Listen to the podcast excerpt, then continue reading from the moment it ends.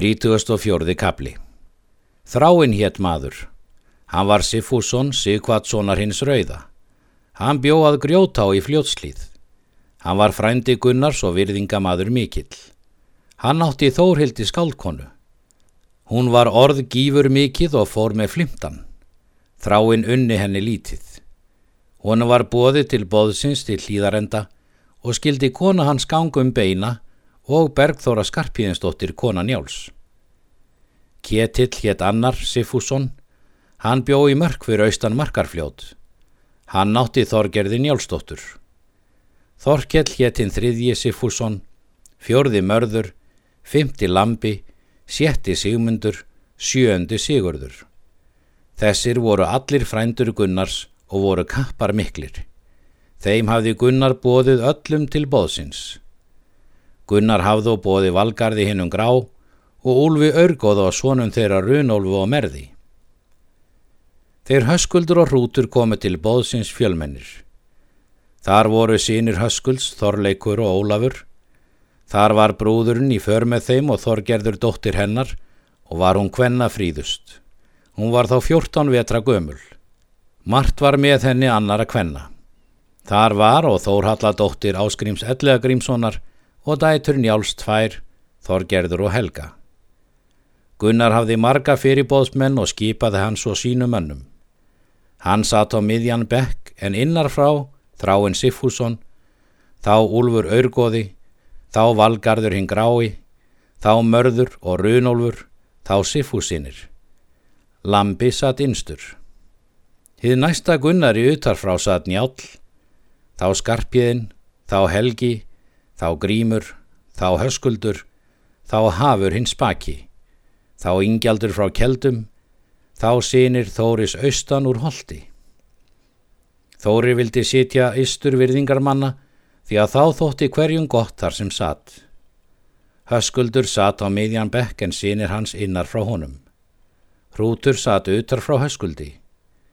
En þá er eigi frá sagt hversu öðrum var skipað. Brúður satt á miðjum palli en til annara handar henni Þorgerður dóttir hennar. Á aðra hönd satt Þórhalla dóttir áskríms ellega grímsónar. Þórhildur gengur um beina og báru þær bergþóra mata á borð.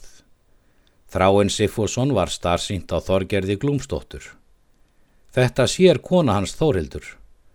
Hún reyðist og kveður til hans kviðling. Ég er að gapripplar góðir, gægur er þér í augum, þráinn, segir hún. Hann steig þegar fram yfir borðið og nefndi sér vott og sagði skilið við Þórhildi. Vil ég eigi hafa flimtan hennar nýr fárirði yfir mér. Og svo var hann kappsamur um þetta, að hann vildi eigi vera að veislunni nema hún væri í braut rekin. Og það var það hún fór í braut. Og nú sátu menn hver í sínu rúm og drukku og voru kátir. Þá tók þráinn til orða. Ekki mun ég gera launtali það sem mér býr í skapi. Þess vil ég spyrja þig höskuldur Dalakolsson. Vilt þú gifta mér þorgerði frænkonu þína? Egi veit ég það, sagði höskuldur. Mér þykir þú lít hafa við þessa skilið er hefur þú áður átt, eða hver maður er hann Gunnar? Hann svarar. Egi vil ég frásegja því að mér er maðurinn skildur og seg þú frá njál. Því munu allir trúa. Njál mælti. Það er frá manni að segja að maður er vel auðugur að fjö og gera að sér um allt og hefð mesta mikilmenni og megið þér fyrir því gera honum kostin. Þá mælti höskuldur. Hvað sínist ég ráð hrútur frændi? Hrútur svaraði. Gera mátt þú fyrir því kostin að þetta er henni jafnræði. Þá tala þeir um kaupin og verða á allt sáttir. Stendur þá Gunnar upp og þráin og gangað pallinum. Spurði Gunnar þær maðgur hvort þær vildi játa þessum kaupum. Þær hvaðust eigi bregða myndu. Fastnaði Hallgerður Þorgerði dóttur sína. Þá var skipað konum í annað sinn. Satt á Þórhalla meðal brúða. Fer nú bóðið vel fram. Og er lokið var ríða þeir höskuldur vestur en rángaengar til sinna heimila. Gunnar gaf mörgum góðar gjafir og virðist það vel. Hallgerður tók við búsráðum og var fengsum og atkvæða mikil. Þorgerður tók við búráðum að grjótá og var góð húsfreyja.